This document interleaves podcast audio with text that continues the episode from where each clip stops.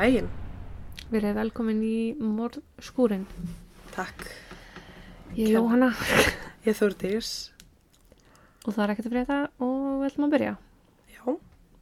Lía Croucher var fætt hann 14. ágúst árið 1999 í Breitlandi.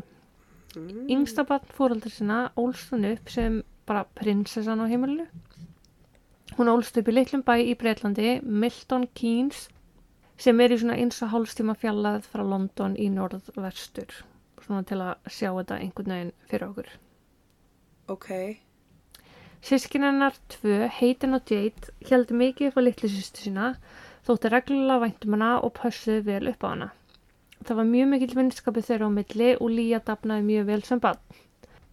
Hún átti eftir að vera mjög hlétræk ung kona, hún var með eindæm- eindæmum feimin, kærði þessi lítið um djam og djúseri, kunni miklu betur við að vera heima á sér og lesa bækur. Bara svo ekki ég. Einmitt, nákvæmlega eins og þú. Hennar uppáhaldsbækur eins og þínar voru Twilight og Harry Potter Ekki eins og ég. Ég hef ekki þólum að það. og gatt hún sokkið sér ofan í þær svo tímanu skipti. Hún var mjög heimakær, róleg og lit lítið fyrir sér fara, svona almennt. Hún var eins og margir úlingar, alveg með samfélagsmiðla á heilanum og eitti mörgum klukkutímum þar að skrolla en hún var líka mjög færi í taekwondo en pappinar og sískinni höfðu öll eitt miklum tíma í þeirri íþrótt. Pappinar var taekwondo kennari, þú ættir að sjá hvernig skrifa taekwondo og höfðu Lía og heitin bæði fetað í hans fótspor. T-I-K-V-O-N-D-O. ég er með svona 15 útgáfur. Taekwondo, taekwondo, taekwondo, já. En allan já, þau hefðu bæði kent og keppt í alls konar keppnum og Lía var með svarta beltið, hvorki meira enn minna. Sælir. Lía var ofbúslega góðhjörtuð, mátti lítið um sjá og vildi allt fyrir alla gera. Sískinni hennar henni sem mannesku með hjartagert og gulli og allir dýrkuðu hana og dáðu. Hróki og dónaskapur var ekki til í henni og hún var með eindæmum kurteis og, og flott ung kona. Eins og ég sagði var hún með eindæmum feimin og hlítræg og vildi lítið djamma og sóttist ekki neinn partí eða neitt slíkt sem er kannski svona ólíkt mörgum öðrum krökkum á þessum aldri en hún er sérst 18-19 ára á þessu tímabili sem við ætlum að ræða.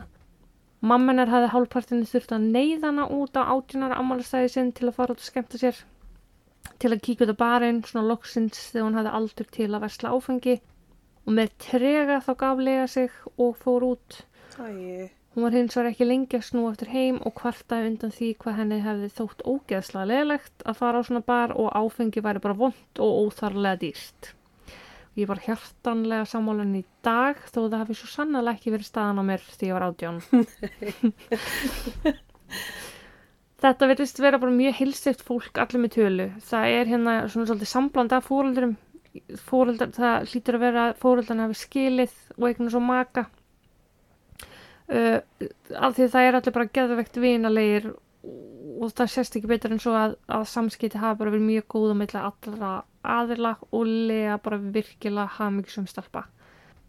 Hún hefði þó verið að kljást við erfiðan kvíða og leitið sér aðstofa hvað hann varðaði og var mjög opinn með að kvíðan væri að há henni í daglegu lífi en samt ekki svo að það væri svona, þú veist, það var ekkert eitthvað allir bara hjá að lega svo kvíðin. Það bara, hún, Mm. hún var bara upplega kvíða já. og dílaði við það.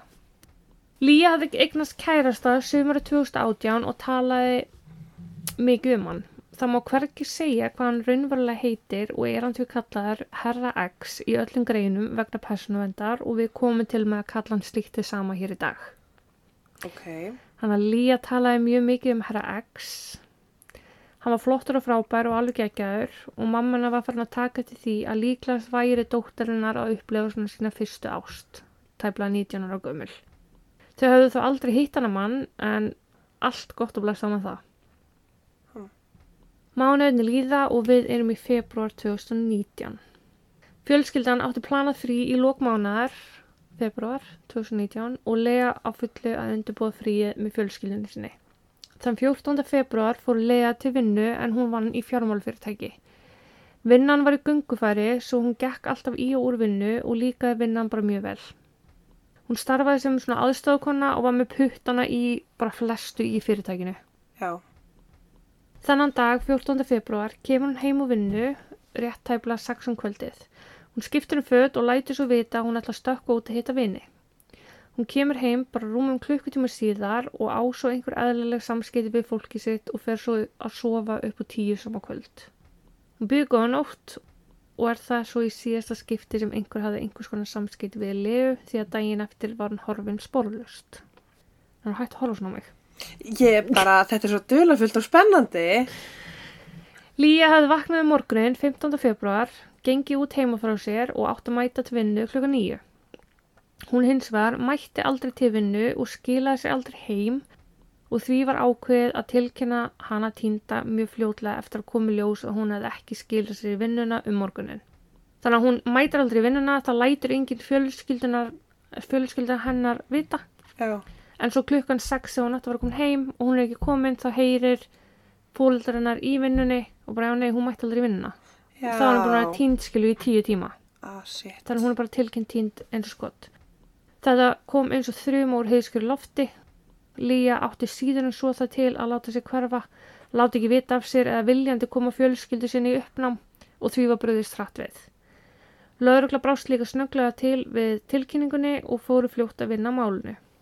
Þann 16. februar er svo reynt að búa til einhvers konar tímalínu áður en gefið er út til almennings að hún sé týnd. Þannig að lögreglan er bara að sapna saman upplýsingum hann á daginn eftir Já.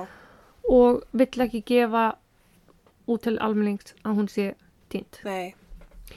Gengið er út frá því að hún hefði vaknað klukkan 8 um morgunin, gert sér til og lagt að stað til vinnu. Það var bara hennar venjulega rútína. Klukkan 8.13 sést hún að eftirlitsmyndavelum gangandi í svörtum jakka, svörtum þröngum galabuxum, í grári hættupeysu undir jakkanum sem er með logoinu úr Taekwondo stúdíuna þeirra. Það er mjög einkennandi heisa og með dökkan bakpoka. Og síðan sést hún bara ekki meir. Það er eftirlitsmyndavel í nálægð við vinnustæðinannar og hún hefði átt að sjást á henni hefði hún gengið alla leið til vinnu en hún kemur hver ekki fram þar. Ok. Þannig að hún hefur ekki náð til vinnunar. Þannig að hún er aukstæðar verið pikkuð upp á leiðinni. Já, bara Eða, já. frá þar sem hún sést á myndalinni og að vinnunni og þetta er bara eitthvað kílómetr sko. Ok, en hefði hún ekki getað að fara í hliðagötu? Það er hæpið sko. Hæpið, ok. Já. Uh, hún er að lappa mjög fjölfarnar leið. Þetta er bara eins og að ganga íbúðgötu, nánast alla leið í vinnuna og Já. alveg merkilegt að enginn sjá hana neitt almennlega á þessum tíma. Þetta er klukkan, þetta er klukkan 8 um morguninu föstudegi, það er mentaskóla þarna nálagt, það er grunnskóla þarna nálagt, fullt Mm. af stöðum sem fólk er að vinna á og þetta er svona tími þar sem flestir eru á ferli á einmitt. En vitað er að bara rúmum 20 mítum síðar, þannig að eftir hún sést í eftirlitsmyndalunum, klukkan 8.34 var búið að slakka síman mannar. Þannig að 8.13 sést hún í myndalunni, 8.34 síminn döður. Ok. Dæin áður, eða þann 14. februar, hafði Lía slögt á GPS í símanu sínum klukkan 17.45 eða bara rétt áður en hún kom heim og svo kveikt á því aftur bara klukktíma setna sem er bara mjög skrítið. Þetta er í fyrsta og eina skipti sem hún hefði gert það bara alltaf. Já. 17. februar er svo blaðamennafundur þar sem er tilkynnt að Lía sé horfin og áhyggjur um velferðanar. Eftir það koma þrýr einstaklingar fram sem segjast vera nokkuð vissir um að hafa séð Lía um morgunin sem hún hverfur á milli 9.30 og 11. Þá hún hafi verið að ganga rösklega nálagt fúrstanvatninu og á hún hafi verið auðsjónlega í uppnámi að tala í síman og skrifa sms. Þannig að einhver sá hann að tala síman og annar sá hann að skrifa sms. Já. Fúrstanvatnið var bara rétt við þá leið sem hún var vön að ganga á leiðsinu til vinnu og því var ekkert óeðlilegt að hún sæist þar en það er óeðlilegt að hún sé uppnámi að tala í síman hins vegar. Já. Þetta er með engum móti hægt að staðfesta búið að slökka á hennar eigin síma fyrir þann tíma þeir segjast að það sé hann á milli 9.30 en Já. símin hennar er döður klokkan 8.34 Með hvað síma er hún þá? nákvæmlega þannig að það er svona spurningu um hvort hún hafi verið með tvo síma sem er ekkert alltaf ólíklegt, ólíklegt en ég kemur því betur síðar. Blik, blik. 19. februar er svo gefið út eftirlitsmyndbandið af Líu þar sem hún sést ganga í að tali var í vinnuna. Það var gert til að reyna að hrista upp í minni fólks með von um að fleiri vísbendingar og ábendingar kem fram. Ákveði var að leita vel og vandlega í og í kringum fúrstánvatnið til að útiloka að Lía væri annarkvort ofan í vatninu eða á svæðinu kring. Fjölskyldan var þegar hér komið við sögu búin að leita sjálf út um allan bæ, dreifa dreifumöðum og byðla til fólks í gegnum samfélagsmiðla. Hún hafði ekki nota korti sín eða bankareikninga almennt, síminana var ósnertur, samfélagsmiðlar ósnertir, vegabriði heima við og hún bara horfinn sporlust. Þyrla, hundar, sjálfbæðliðar, vel þjálfað fólk og fleiri tóku þátt í meiri hátta leitum viðsvegar í kringum heimabæ líu. Það því meir skilaði nákvæmlega yngu. Máli fjekk ekki og hefur í raun aldrei fengið neitt svaklega mikla fjölmiðlatili en fóröldra hennar og fjölskylda komu mjög fljótlega fram til að byðla til fólks í gegnum fjölmiðla. Komu það bara Já, að vita eitthvað að segja þið, þú veist. Lauruglan byðlaði líka til fólks að skoða bakarana sína, skoða alla garðskúra, bílskúra, allstað þar sem að Lía hefði mögulega getað festst eða reynt að leita sér skjóls en allt kom fyrir ekki, hún fannst hvergi. en ég meina að þú veist var vant veður eða Nei. Bara til að leita sér skjóla. Nákvæmlega, en það var bara svona, ok, skoðum bara alla vala mögulega, þú veist, alla mögulega Já, já, Lauruglan heimsóti vikunum eftir hvarfið þúsundir heimila, fjögur þúsund heimila, eldu hundruði vísbendinga, fóru yfir hundruði tíma af eftirlitsmyndavelefni, fleiri fleiri leitir hafa verið settar í gang bæði á landi og í, va og í vatni. Og þyrlur og þú veist allir pakkin, en mörg vötnir í kringum svæðið. Þau notuðu mátt samfélagsmiðla og reyndi allt hvað þeir gáti til að koma rannsókninni áfram. Tíminn bara leið og aldrei kom Lía fram. Í september sama ár, tæpu hálfa ári eftir hvarfið, kom fram vitni sem sagðist hafa séð gráa peysu við Blue Lagoon vatnið í Milton Keynes. Það var í um það byl 30 mínuna göngufjallæð frá þaðan sem að Lía hvarf og alveg í öfuga átt miða við þá átt sem hún hefði verið að ganga í, í vinnuna. já, já, já. Leita var í því vatni og í kringum það og enn og aftur skilaði engu. Verðluna fyrir var auglýst með von um að fólk kemur frekar fram og lauruglan á þessum tímapunkti farnar að vilja frekar fara í gegnum óþara vísbendingar frekar en yngar vísbendingar. Já, Bróður Líu, Heiten, var bara vitið sinni fjær eftir hvarf sýstu sinnar og hann farin að taka málinn í sína eigin hendur. Svo mikið svo að hann nældi sér í eitt stykki nálgunabann. ah, ok. Hann hafði hreinlega verið að áreita fyrir um kærasta líu. Sá var 27 ára gammal og ekki herra X sem við ræðum betur áttir. Heitin hefði farið með á samfélagsmiðla að þessi fyrirvændi kæristi hefði alltaf verið vondu við líu. Hann hefði verið miklu eldri en hún og hefði ekkert átt erindi að dandalast í kringum sýstu sína. Heitin taldi hann hafi verið að grúma sýstu sína en það er þegar einstaklingur uh, tala við yngri börn, við börn yngri en átjónara á vinalegu nótum til að mýkja þau upp til að þá reyna að stofna til ástasambands þegar við komum nær átjónara aldrei. Uh, ok. Heitin var búin að vera áreita þannan mann líka fyrir hvarf líu. Sérst, hann var búin að vera böggan bara síðan í janúar, bara ógeðið, látt sýstum minni friði Já. og hjælt auðvitað enn frekar áfram eftir að sýstur hans hvarf. Einmitt. Hann bara hata hennar mann heitt og innilega fyrir að vera þetta mikið eldri en litla sýst sín og reyna að vera stofna til einhvers konar sambands við hana. Já. Þannig að eftir hvarfið var hann bara að heyrðu, ok, þessi gaur hlýtur að vera eitthvað viðriðin málið og senda honum mjög grófar hótanir. Svo var ekki samt, lauruglu tókst að útiloka hann alveg með öllu og svo mikið svo að heitin fær þetta nálguna bann á sig. En það verður raun gert þannig að hún mig gefið þetta bann til að koma í vekk fyrir einhvers konar dóm vegna áreitisins. Þannig að hann fær hérna bara val, ok, má bjóða nálgunarbann eða kæru. Og fær hann valið? Já. Sjálfur? og hann kaus nálgunarbannið og baðst afsökunar. En þetta var bara, þú mátt ekki koma 25 metrum, þú veist, þú getur alveg skotið og boga það, sko. En þú veist, ég bara að segja. ímyndunaraflið. Þú veist, það var alveg hætta því. 25 Já, metra. 20, mér fannst þannig bara ekkert eitthvað, þú veist, yfirleitt er 150 metrar eða 200 metrar eða eitthvað svona aðeins meira 25 metrar það er bara, Já, það er ekki neitt neitt. nei en dómarinn í málunni samt síndi þessu alveg þvílíkan skilning tók sér þann tíma til að segja frá því við alla sem voru uh, fyrir framlega að hann skildi vel að eftir svona áfall að sýstar hans hverfi er ekkert skrítið eða óeðalegt að heitin hafi tekið upp þessu og talið að þessi fyrirvendu kæristi væri viðriðin Mm. málið. Já, Þannig að hann var bara ágætt að afsakra þetta ekki en ég skilði þig. já, einmitt. Heitin notaði samfélagsmiðla óspart til að minnast sýstu sinnar, minna aðra á sýstu sinna og vekja aðtíkla á málunu. Hann sagðist aldrei alltaf gefast upp á að leita að henni, hann kæmi til með að gera allt í sinu valdi til að finna hana og hann lifi fyrir hana. Æi, Það átti svo eftir að koma í ljós að þegar, hann, þegar hún sagðist að farið að hitta vini sína þarna 14. februar, daginn áður en hún hvarf, það var bara ekki satt. Rætt var við alla vinarnar og kom í ljós að hún hafi ekki hitt neitt þeirra. Þannig að hún var með slagt á GPS símanu sínum, löga fjölskyldunni hvernig hún var að fara að hitta og hvaða dagur er 14. februar. Valentínsadagur. Mhm. Lía var jú með þennan laumulega kærasta.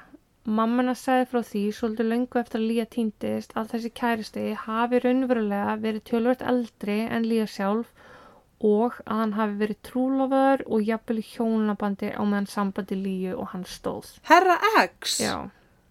you dirty man. Mm Og hún sagði að þetta vildi ekki að þessu upplýsingar kæmi fram á sínu tíma þegar hún týnist Já, að því hún vildi ekki að fólk myndi mála ykkur mynd af Líu sem var ekki sönn. já, já. En mammanar á að hafa sagt við hana, látti hennar mann eiga sig um leið hún komst að því að hann væri lofaður annari konu og byrði dóttisnu um að hætta eða tíma í mann sem hún kæmi aldrei til með að geta fengið. Einmitt. Lía hins vegar gerði það svo sannlega ekki, hún eitti peningi leigubíl á hverju einasta kvöldi til að fara að hitta hann. Cirka 13 pund sem er ekki svo mikill peningur og því getur ekki verið að hann hafi búið svo langt í burtu frá henni skilju. Nei, Hægðun Líu hafði ekki breyst neitt stórkostlega eftir hún kynnti þessu manni en fóreldrar hennar áttuðu sig þó á því eftir hvarfið að jú, kannski hafa hún verið farin að hafa svolítið stittri þráð. mm. Vera orðin tölvöld þurrar í samskiptum og flóttalari. Hún var orðið svolítið viðkvæm og svolítið gjötna að rífast ástæðalösu, bara svolítið svona pikka fætt. upp á þurru. já, bara svolítið eins og hún hafi verið svo grömpi. Mm. Leði eitthvað illa. Það átti svo líka eftir að koma ljós að Lía hefði logið áður um hvert hún ætlaði og hvað hún var að fara að gera. Einhver sem hún fram að þessu hefði aldrei átt til. Ok, 3. februar, 12 dögum áður en hún hvarf, hafði hún sagt fólður sínum frá því að hún ætlaði að gista á hóteli með vinkonusinum. Þar ætlaði bara að hafa svolítið grand stelpukvöld, njóta, hafa gaman, slúðra, borða og mat. mm. Pappinar keirar hana á þetta hótel alveg grunlaus um að dóttir sín sé að skrökvað sér en það hafði hann svo sem enga ástæði til að rengja sögudóttir sinnar um hvað, hin, hvað hún var að vera að gera. Hún var ekki vun að ljúa, hann var að keira hana sjálfur á þetta hótel og því vissi hann hvar hún væri og hvað hann ætlaði að gera. já, Þannig að hann var bara að lesa ástinn, þú veist. já, sem kom í ljós þegar farið var yfir bankareikningan hennar var að hún fór ekkert inn á þetta hótel. Hún fór í staðinn á annað hótel, hálgert subbuhótel og leiði sér þar herbyggi og með í för höfðu ekki verið neina vinkonur hennar. Þegar þetta kom í ljós þá var ekki hægt að skoða hennar eftirlitsmyndalar því að það hafði jú liðið allt og langu tími síðan Já, og því engin leið til að koma staði með hverjum hún var á þessu hóteli. mm. Símagögn Leu voru auðvitað skoðuð hátt og látt eftir hann hvarf með vonum að einhvers konar samskipti á milli þessa herra X og hennar kemur fram. Heldur að það fundist eitthvað? Oh my god, nei, Nei. ekki þegar þú segir þetta svona. Heldur betur ekki. Lía notaði nefnilega Snapchat mjög mikið í samskiptum við vini og vandamenn og trúlegast þennan mann líka. Og hvað gerir Ah. Snapchat? Það hverfur. Það hverfur og Snapchat vill ekki vinna með neinum. Nei, Þannig að trúlegast hefur hún verið að tala við herra X hann á. Og það kom upp líka getgátur hvort að herra X hafi gefið henni síma til að eiga í samskiptu við sig sjálfan. sem að væri þá ekki hægt að rekja. Já, af því að það veit enginn hvað símynd er, Nei. Það stemmer nefnilega við þetta sem ég nefndi á hann í byrjun málsins. Hún sást tala í síman og senda SMS en það var búið að slökka á hennar eigin síma Mm. fyrir þann tíma. Þessi herra X var skoðaður og samkvæmt lögreglu er hann blá saklus. Bara 100, 190%. Já, Þú veist hvað, var hann á Bahama-eigum þegar þetta gerist eða? það er ekki búið að gefa út. Ok. Hann er með fjárvæstusönnun daginn sem að líða hverfur. Engin samskipti finnast á milli þeirra í síma og tölvu leu. Nákvæmlega ekki tengja þau saman í raun og ég hef bara ekki hugmynd um hvernig hægt var að tengja þau saman annað en að mamman hafi vita nafni hans. Einmitt. Herra X neitaði alfarið að hafa átt í einhvers konar ástasambandi við Líu en sagði að þau höfðu alveg verið vinir, kunningjar. Mm. Fjölskylda Líu gátti samt á einhvern hátt komið með sönnunugögn um að það væri ekki alveg rétt og þess vegna var hann aðeins skoðaður. Já, já, já. Lauruglan hefur beðið fjölskylduna um að virða hans yngalíf, yngalíf herra X og ekki byrta nafni hans neinstar. Lauruglan sjálf getur ekki byrt nafni hans heldur að því að rannsóknin er opin, þannig að hann bara nýtur nafnleindar yfir höfuð. Hann er bara herra X og við vitum ekkert hver þessi fjárvistasönnun er og fjölskyldan má ekki heldur gefa hann upp. Fjölskyldan hans. Fjölskyldan hennar. Ok. Fjölskylda Líu er hillilega óánægð með vinnubröðu lauruglunar varðandi herra X. Lauruglan leitaði heima hjá fóruldum Líu, fimmsinum. Þeir leitaði heima hjá sískinum Líu á samt heimilum annara ættingja. Þeir fóru gegnum síma og tölfur í eigu fjölskyldu Líu og fjölskyldu Líu leið hreinlega eins og þau lægjandi grunn fyrir eitthvað saknæmt. Mm -hmm. Ökutæki voru skoðuð, engalíf fjölskyldumæðlema var skoðað. En maðurinn sem að líja laugum sem að enginn vissi almennilega neitt um, það var ekki leita heima í honum, það var ekki leita í öku, ökutækjunum hans, það var ekki skoðuð símagögn eða tölvugögn frá honum að því hann sagði nei. Sem er rosalega skrítið. Mm Og ég hugsa bara núna, ok, er fjárvistasönnun hans uh, konan hans? Já, nákvæmlega. Þú veist. Eða hvar var konan hans? Nákvæmlega. Uh, Fjölskyldan hans var ekki skoðan neitt, vinnan hans var ekki skoðan neitt, engalífið hans var ekki skoðan neitt og þegar faður Líu grátbaði laurugluna um að, að minnstakustu fötin hans sem hann var í 14. Um, og 15. februar er þau skoðuð til að sjá hvort að einhvað DNA úr dóttur hans fyndist, mm -hmm. það var því neitað og svarið einfallega hann liggur ekki undir grunn. Sjónurot fjölskyldunar er að herra X veit eitthvað, það getur bara ekki annað verið og að hann vil ekki segja frá neinu til að kannski venda sjálfa sig, lætur hann lítið út fyrir að vera segan. Já. Hann getur auðvitað verið að halda upplýsingum að sér sem eru mikilvægir í leitinu að líu en hann kýs viljandi að segja ekki orð. 20 ábendingar hafa komið fram Það eru þá í rauninu 20 konur viðsvegur um Bretland sem fólk telur að hafi verið lýja á flakki. Já. 16 af þeim hafi verið útlokaðar og ekki hefur tekist að útloka hérna fjórar. En líkunar eru arfaslakar að einhver er að sé lýja en fjölskyldan hjælt í vonina. Fjölskyldan hefur sagt að þau töldu að þetta yrði auðveldra með hverjum deginu sem leið en raunin var svo að með hverjum deginum hefur baráttan verið erfiðar og erfiðari. Söknuðurinn verður meiri og meiri. Fjölskyldan var að væga sagt í rúst yfir hvarfi líu og tók, tók það mjög á heitin, stóra bróðurinnar. Já. Hvarf litlu systur hann sagði dreigið allt úr húnum og í nóvember 2019 tók hann afdrifaríku ákvörun. Heitin og pappans hafði alltaf hittast og reyna að tala út alla tilfinningar sínar hvað var það hvarf líu. Þeir voru þá báðir bara gjörsamlega andlega búnir Mm. og ætliði bara, herru, nú bara ræðu við allt saman. Heitin hefði átt virkilega erfitt og hefði verið lagður inn að geða spítala tímabundið til að reyna að fá aðstöð fyrir hann að komast yfir þannig gríðarlega erfið að hjalla í lífun hans. En heitin hefði ekki mætt til að hitta pappa sinn þennan dag og nokkurinn tímum eftir að fundið þeirra átt að vera kom lauruglan og bankaði upp á. Æi. Heitin hefði fyrirfarið sér um morgunin. Eftir að heitin lést hvarf nánast öll von um að Lía var á lífi einfallega vegna þess að þau vildu meina að ef hún hefði verið á lífi hefði hún komið fram til að vera við jarða fyrir bróður síns. Oh.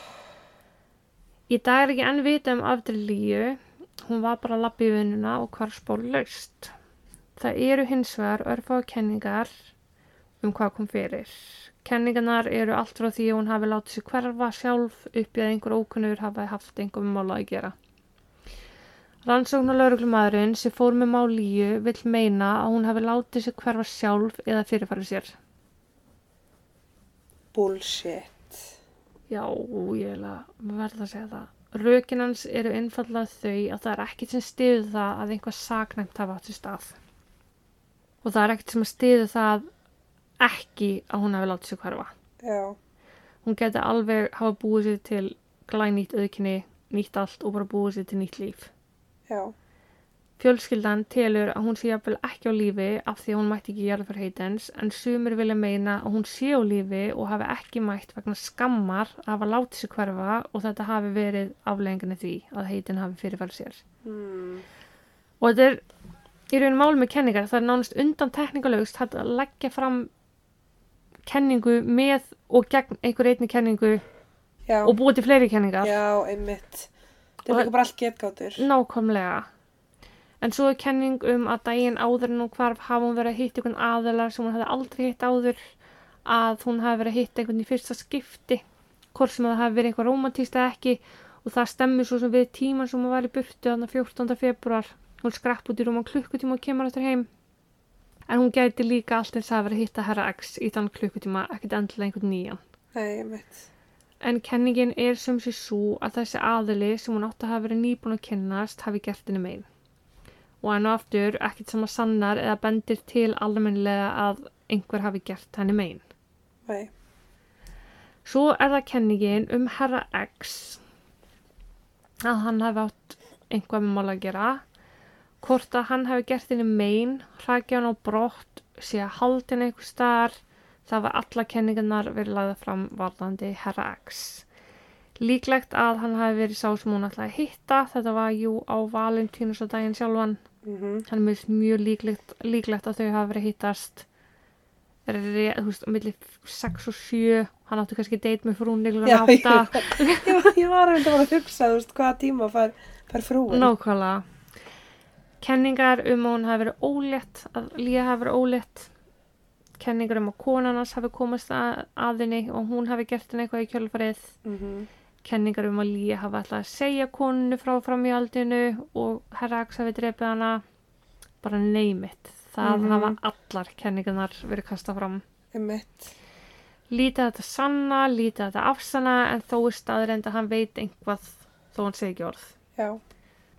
Svo er að einhver random, bara einhver, einhver hafi bara nappað henni út á götu á leiðvinnuna. Bara Að, nýtt sér tækifæri að hún já, er hana. Að henni hafi bara verið rænt og sé einhver stær í haldi eða að einhver hafi drepið hana og komið líkinu vel fyrir. Já. Og enn og aftur, ekkert að það sanna eða afsanna. Hins vegar væri svo skrítið að þetta hafa geta átt sér stað og enginn tekið eftir neinu í svona, það býr svo mikið fólki í þessu götum Mm. sem hún gekk í. Eins vilja menn meina að hún hafi auðvitað geta lamið hvert sem er af sér verandi með svartabeltið í Taekwondo. Já, einmitt. Hérna er svona fymta útgána Taekwondo. Önnu kenning er svo varðandi mann sem var í einhverju hugsunarleysi sleppt úr hangilsi. Sá er Joseph McCann og á langa sögu um að nauðga allt frá börnum og upp í rík fullorðana konum. Ulla Björk. Hann átti að vera á heimili fyrir afbrotumenn en fekk ekki inn á neinu slíku heimili og fekk því að snú heim til sín. Ó, ok. Það fór ekki betur en svo að bara tveimur mánuði síðar var hann búin að ræna 25 ára gammalli konu og misnota hann í 14 tíma. Á meðan hann kjælt henni fangri rænda hann 21 ára gammalli konu og gerði slíkt, við, slíkt þess sama við hana. Hann svo hjælt þessu bara áfram. Þangað til hann var handtingin bara þrejum vikum setna. Ok, og sleft hann alltaf hinni að var með margar í einu? Hann var yfir með svona tvær, þrjár í einu.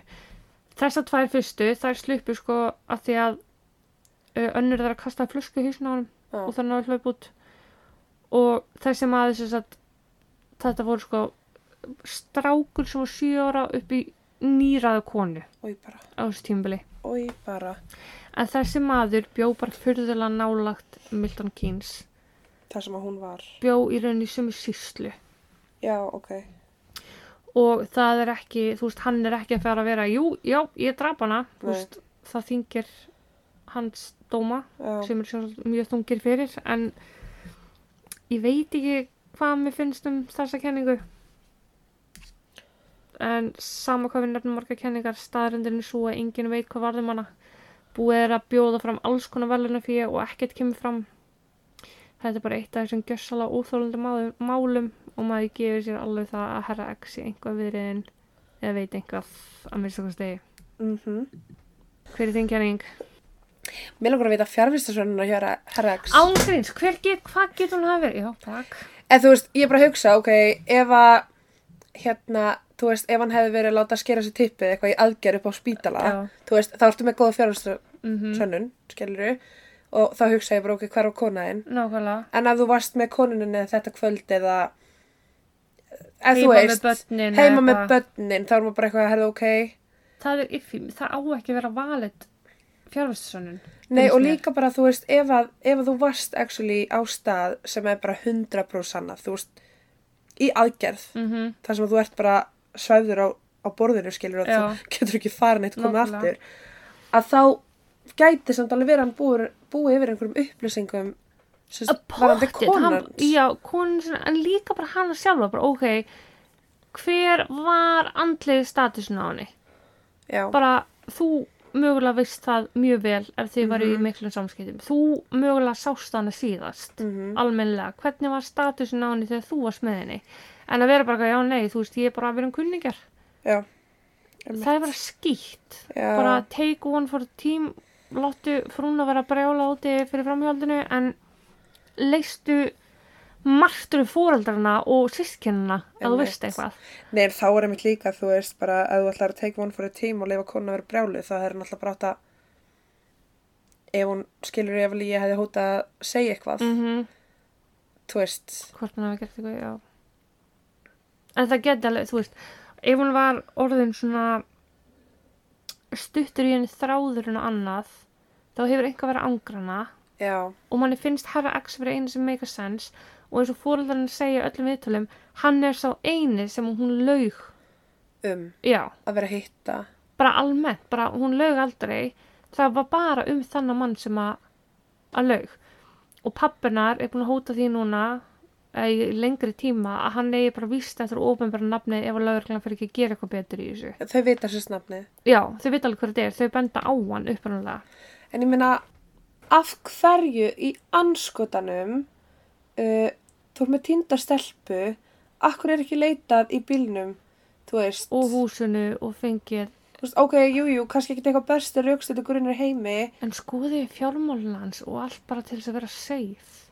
Emitt það var ekkert gert sko Nei, mér finnst það, það að vera fárulegt, sko. Það er samt gefur mann ok, fjárvæstasönnin hlýtur að hafa verið ansi góð. Ég veist, fólk hefur verið tekið fyrir minna, sko. Já. Hanna, En það er mitt málið, þú veist, fjárfærstönin, jú, hefði getið verið drullu góð, mhm, en á sama tíma er, hæ, ég var heima með konu minni og konan segir, já, hann var heima með mér, mhm. er góð staðfyrsting og nógu góð staðfyrsting fyrir lögreglu til að vera bara, herra okkar, þau voru tvö heima, geggja. Er það? Er það bara Já, valið heldur? það er bara valið. Við vorum bara heima og horfum að lofa Ef, það- það er einhver sem að getur bakkað upp hvar þú varst, hvenar, þú veist, Þú hvaða veist dag, svona nálægt mann, af því að nú far, Mhm. þú veist, eiginkonur og kærustur og þú veist, kærastar og eiginmenn fá að þú